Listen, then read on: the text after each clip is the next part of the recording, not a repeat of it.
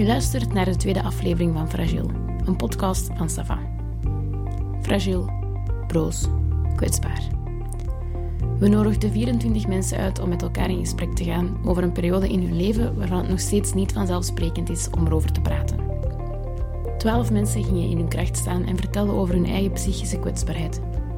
Ieder van hen koos een dierbare die ook hun kant van het verhaal mocht belichten. Hoe is het om naast iemand te staan die psychisch worstelt? In deze aflevering gaat het om twee mensen die naast iemand staan die psychisch worstelt of heeft geworsteld. Het is mega creepy, de plant bewogen in een keer. Ja, die zijn wel heel gevoelig aan licht. Dus ik vind dat wel straf dat dat aan een lamp staat. Opgelet. In deze aflevering wordt gesproken over zelfverwonding en zelfdoding. Toch vinden wij het belangrijk ook dit verhaal te delen omdat het mogelijk herkenbaar is voor velen. Zorg ten alle tijden voor je eigen mentaal welzijn. Zoek steun indien nodig en maak ruimte voor je eigen gevoelens. Deze week spreken we met Joni. Ja, echt dankbaarheid voel ik echt enorm. Ja. Dat ik dat mag zijn voor haar, haar vertrouwenspersoon mee. En Kato. Ik kreeg keer al die berichten en was van, oké, fuck, ehm, ik heb naar mijn bazin. Ik zeg, ik ga even naar het ziekenhuis, want mijn beste vriendin ligt er. En dan ben ik op een tram gestapt en direct naar het ziekenhuis gegaan. Bij mijn zus, die is toen naar de dokter geweest en die zei direct van... Kunt je me beloven dat je zelf binnen dit en een half uur niks aandoet? En Steffi kon dat niet beloven. En dan is er toen ook wel echt direct overgegaan naar... Je moet nu... Alleen moeten is dat niet. Maar het lijkt me verstandig om naar opname te gaan en naar hulp. Dus dat is wel totaal tegenovergestelde van wat dat jij hebt meegemaakt. Ja. Ja, wel... Hoe schatten ze dat in? Allee, Ja. het is, ehm, ik ben ook ja, ik ben, ik een psycholater, ik ben een psycholoog. Hoe schatten zij dat in? Ja, wij zijn dan eigenlijk zelf naar de sociale dienst gestapt. Ik had ook zo tegen Marlon gezegd van, eh, ik zeg, wat gaan we doen? Hè? What's next? Want nu zitten we weer wel. En wat, wat gaat er nu gebeuren? Ah ja, ik ga nog, ik ga nog zien. En, ja, ze zei dat ik met de sociale dienst moest gaan babbelen van het ziekenhuis of, of dat ook was. Ik zeg, ja, dan gaan we dat nu doen, hè. Ah, nee, nee, nee. Ik zeg, jawel, wat gaan we dan nu doen? En dan ben ik eigenlijk mijn andere vriendin daar naartoe gestapt, want zij had zoiets van... Dat, dat ging nog niet, of ze wou niet. Ehm, en dan zijn wij gaan informeren van, ja, wat moeten we hiermee doen? Eh, waar kan die terecht? Wat moet die doen? Heb jij adressen, nummers, ehm, psycholoog, afdeling, iets van? van hè? Dan heeft hij ons wel wat tips gegeven. Maar dat was ook van, ja, ze moet het zelf willen. Maar ja, Marlon is een enorme plantrekker, hè. Dus Ja. zij wist wel dat er iets moest gebeuren, maar het was de eerste vijf minuten van, ah ja, oké, opname. Ik had zoiets van, oké. En dan vijf minuten later, nee, niet meer. Oké, kijk, ja, ja. Ja, dat is het, eh, het puntje dat ik pas eigenlijk echt begin, ben, allee, ben beginnen beseffen dat het niet goed ging met mijn zus toen dat ze in opname ging. Ik had mij daarvoor eigenlijk nooit echt vragen bij gesteld waarom dat ze naar de psycholoog ging of ehm, hoe erg het was. Ik dacht gewoon, ja, ze heeft een paar dingen waar ze over wil praten, waar dat ze niet met ons over wil praten, dat is oké. En achteraf gezien heb ik dat wel zo wat kwalijk genomen, dat ik daar nooit verder over nagedacht had. Want pas toen dat ze echt in opname gegaan is, in spoedopname, ben ik pas echt beginnen zien hoe slecht het ging. Ik heb me daar wel heel lang ja, schuldig over gevoeld. Naar mijn zus toe, omdat ik zoiets had, ik had meer kunnen doen. Wat zou je hebben kunnen doen? Ja, nee, ik weet niet. Dat, dat was zo mijn eerste instinct van, goh, ik had meer kunnen doen, meer kunnen luisteren, meer kunnen opletten van, er is iets mis. Ik kan ja, meer willen helpen. En dat, dat heb ik me wel heel lang kwalijk genomen. Ik weet niet of dat iets is dat jij ervaren hebt van, ik had meer willen of kunnen doen. Ehm, goh.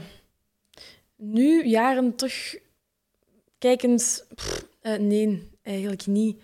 Ehm, ik had niks kunnen doen. Ik weet dat ook. Allee, ik heb gedaan wat ik op dat moment kon en dat was er zijn voor haar. Ja, dat is heel dubbel, hè. Achteraf gezien inderdaad van, ja, had ik het maar gezien of had ik me beter opgelet, maar ja, die persoon deelt ook met je wat ze willen delen, hè. En, en jij, jij ziet maar wat dat je ziet, hè. Allee. Dat is waar. Dat is ook een Marion zeggen, maar nu val ik, ik wil daar niet iemand mee lastigvallen, ik wil daar niet u mee belasten, ik wil daar niet, dat niemand dat weet. Ik, ja, je hebt daar geen tijd voor, je moet daar niet mee bezig zijn, zo dat. Ja. Dus van, ha, ja. En dat was dan ook echt exact als ik in het ziekenhuis aankwam en dat ze zei, je moet hier niet op je werk zijn. Ik had zoiets van, oh my god. Ja. Ik zeg, ja, Zet je daar nu nog mee bezig? echt, we zijn dat punt nu echt wel voorbij, kom aan. Dus ja, inderdaad, niet lastigvallen. Nee, hè. dat was bij mijn zus ook. Ik was op vakantie. De tweede dag denk ik dat ik op vakantie was, is ze opgenomen geweest. De eerste reactie was niet tegen de kleine zeggen. Die mag dat niet weten, die moet kunnen genieten van haar vakantie.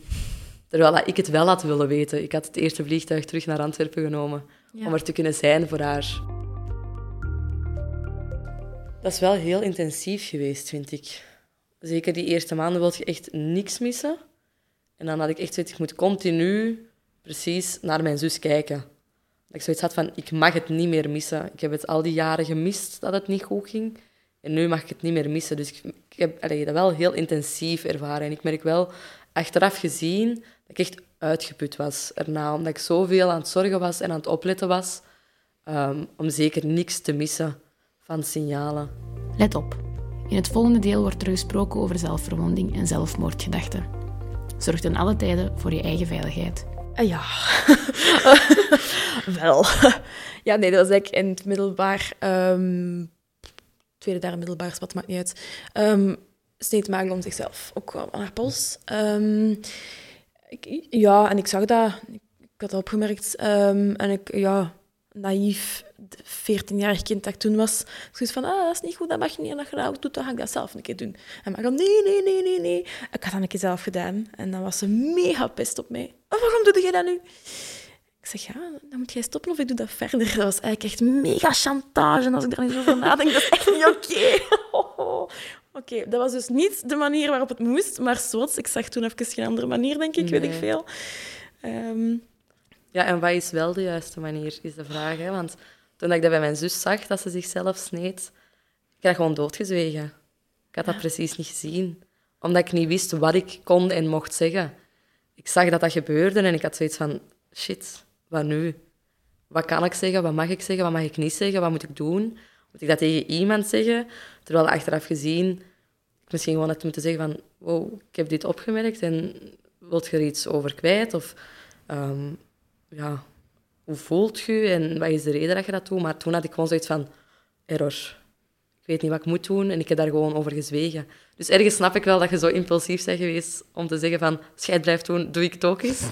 Ehm, want ik weet niet wat de juiste manier is om op zoiets te reageren. Nee, en zeker ook als je zelf nog, inderdaad nog jong bent, wat moet je dan doen? ja, inderdaad, als 14-jarige is dan inderdaad de eerste reactie, dat is niet gezond. Als jij het doet, doe ik het. Hè. Ja. ja, wat maakt dat je dan, wat maakt dat jij dan er, er niet over sprak? Of, of ik, ik, ja, ja, omdat ik circa had om iets fout te zeggen en het erger te maken. Ja.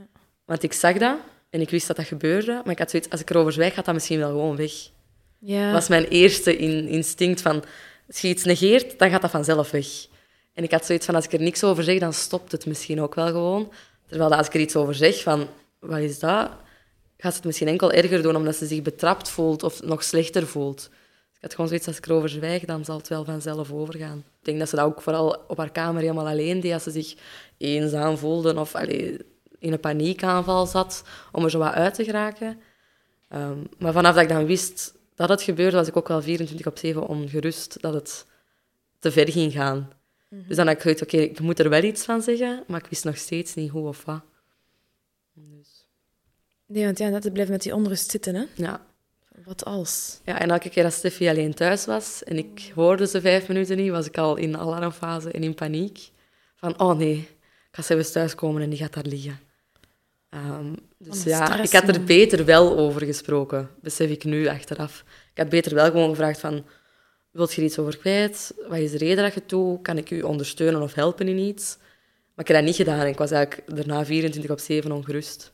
Terwijl ik er beter gewoon over gesproken had. Had ik toen moeten ingrijpen? Ik weet het niet.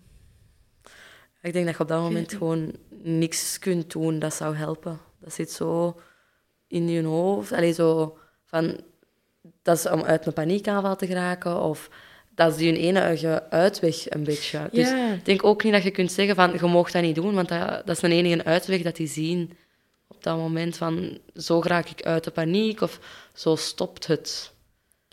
Dus je had eender wat kunnen doen, denk ik. Het had niet geholpen. Ik had ook nooit gedacht dat ze effectief dat ging doen totdat ze dood zou gaan. Bij Marion en Steffi ging het verder dan enkel zelfverwonding.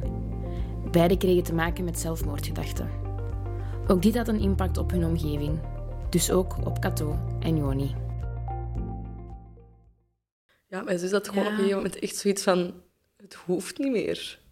Ik wil er niet meer zijn, want ben alleen maar een last voor mensen. En als ik mezelf wegneem, dan gaat hun leven ook beter zijn.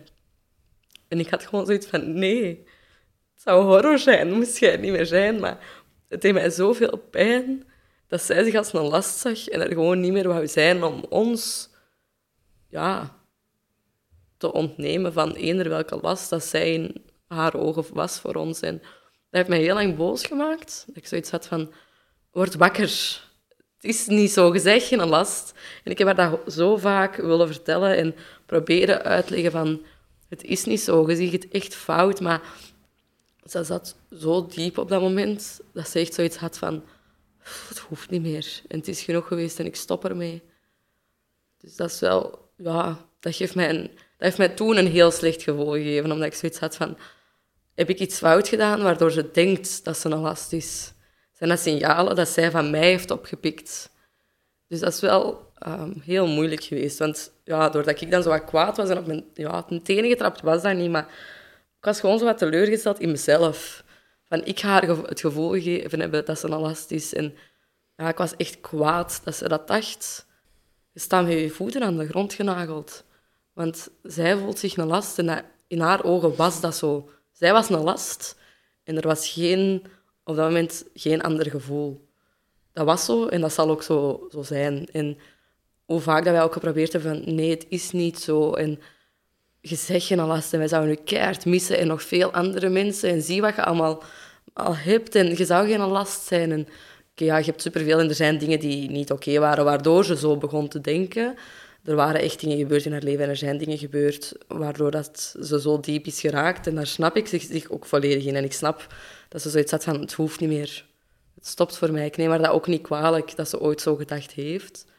Maar het was gewoon enorm zwaar om te weten dat ze zich als een last voelde. Want door, allee, ze voelde zich als een last voor de mensen die haar het liefste zagen. En dat vond ik heel moeilijk en dat heeft mij inderdaad heel kwaad gemaakt. Omdat je gewoon, ja, je kunt niks doen. Dat idee, dat is er. Hè. Dat is, ja, dat was bij mij ook echt van, ik ben een last. Ja. Je kon de hemel en aarde bewegen, ze ging niet van dat idee afstappen. Ik heb, toen, ja, ik heb eigenlijk toen terug de middelbare techniek toegepast. Ik zeg, ja. uh, als je gaat, ga ik mee. Doen. En dat was ze kwaad. Dat moet je niet zeggen. Ik zeg, ja, maar je moet dat ook niet zeggen. Het is zo. Dus, ja, besef het nu maar even. Ja. Um, ik zei, misschien was dat ook weer absoluut niet de tactische methodiek. Ja, maar, ik heb al op een moment ook gezegd, als jij het niet meer zei, dan hoeft het voor mij ook niet meer. Ja, Dus ik denk dat, dat als je zo graag ja, of zoveel houdt van iemand, is dat een, een natuurlijke reflex. Als jij het niet meer zei, dan stopt het voor mij ook. In het volgende deel zal het gaan over het evenwicht tussen zorgen voor iemand anders en ondertussen blijven zorgen voor jezelf. Ik zette haar op dat moment op de eerste plaats. Ja, dat moest, hè. die moest daar door. Hè. Dat was niet oké. Maar ja, wat doe je dan zelf met hetgeen dat je doormaakt? Hè? Dat vond ik wel een De zelfzorg valt een beetje weg. Hè? Dat heb ik ook heel hard gehad. Je gaat zo in die zorgende rol voor de ander. En ook naar het ontlasten van de omstaanders, bijvoorbeeld bij mij dan. En mijn zus werd opgenomen, maar mijn ouders hadden het super druk. Dus ik ging in de zorgende rol naar mijn, naar mijn zus toe. En ik wou ook zoveel mogelijk last wegnemen van mijn ouders. Waardoor dat je inderdaad zelf zo wat overschiet en je zelfzorg wat wegvalt. Hè? Omdat je zo op automatische piloot gaat, in het zorgen voor en het ontlasten van de anderen, dat je inderdaad jezelf er een beetje in kwijtraakt of uh, wegcijfert. Inderdaad. Bij wie kon je dan terecht? Of bij niemand? Nee. Ja, ik kon op zich wel terecht waar ik... Allee, als ik dat echt had gewillen, maar ik stelde mij er zelf ook niet meer voor open. Ook iedereen kwam naar mij, hoe is het met je zus? Dus het was altijd over mijn zus. Als ik met mensen sprak, was het altijd... Hoe is het met je zus? En hoe gaat het er nu mee? En is het al beter? En er vroeg niemand eigenlijk meer, hoe gaat het nu met u? Ja. Ja, op die moment zelf loopt de weg ook wat voorbij, maar inderdaad nu... Achteraf valt inderdaad pas in dat... Ja. Oh, gat is dat niet, maar pas achteraf beseft je van, oei, ik ben mezelf vergeten. Ja, dat is, dat is zo de, de, de valkuil van mantelzorg. Hè? Ik noem dat wel mijn mantelzorg, want dat is ook echt wel zo. Hè? Dat zij maar gewoon beter wordt. Ik zal alles doen om ze beter te maken en te on, allee, last weg te nemen van haar schouders. Dus als ze naar mij komen om te vragen uit met mijn zus, goed, dan gaan ze het niet aan haar vragen. Dus dan kan ik dat zo wat ontnemen van haar, die last. Dus ik had dan ook zoiets van, ja, praat maar over mijn zus. Dat is goed, dan moet zij dat niet doen. Dus dan had ik ook zoiets... Ik ga niet mijn verhaal beginnen doen, want dan gaan ze misschien alsnog naar mijn zus sturen van hoe is het nu met u? Ik had zoiets, als ik alles vertel, dan gaan ze haar er niet mee belasten.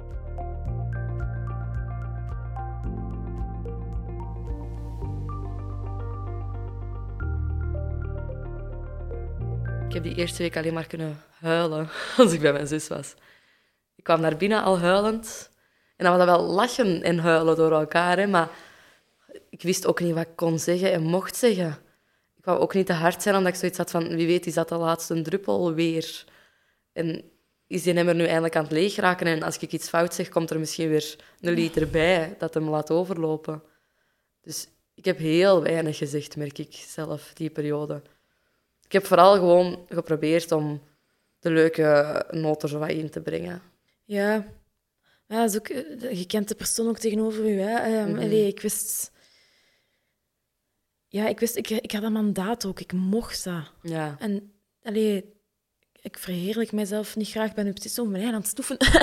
maar maar ik, ja, ik mocht dat. En, en, en dat, was, dat was bij mij ook de manier dat ik haar zo eens een klets in haar gezicht kon geven van kom, let's go. Eh, Mhm. we gaan dat hier, we gaan, allee, kom aan.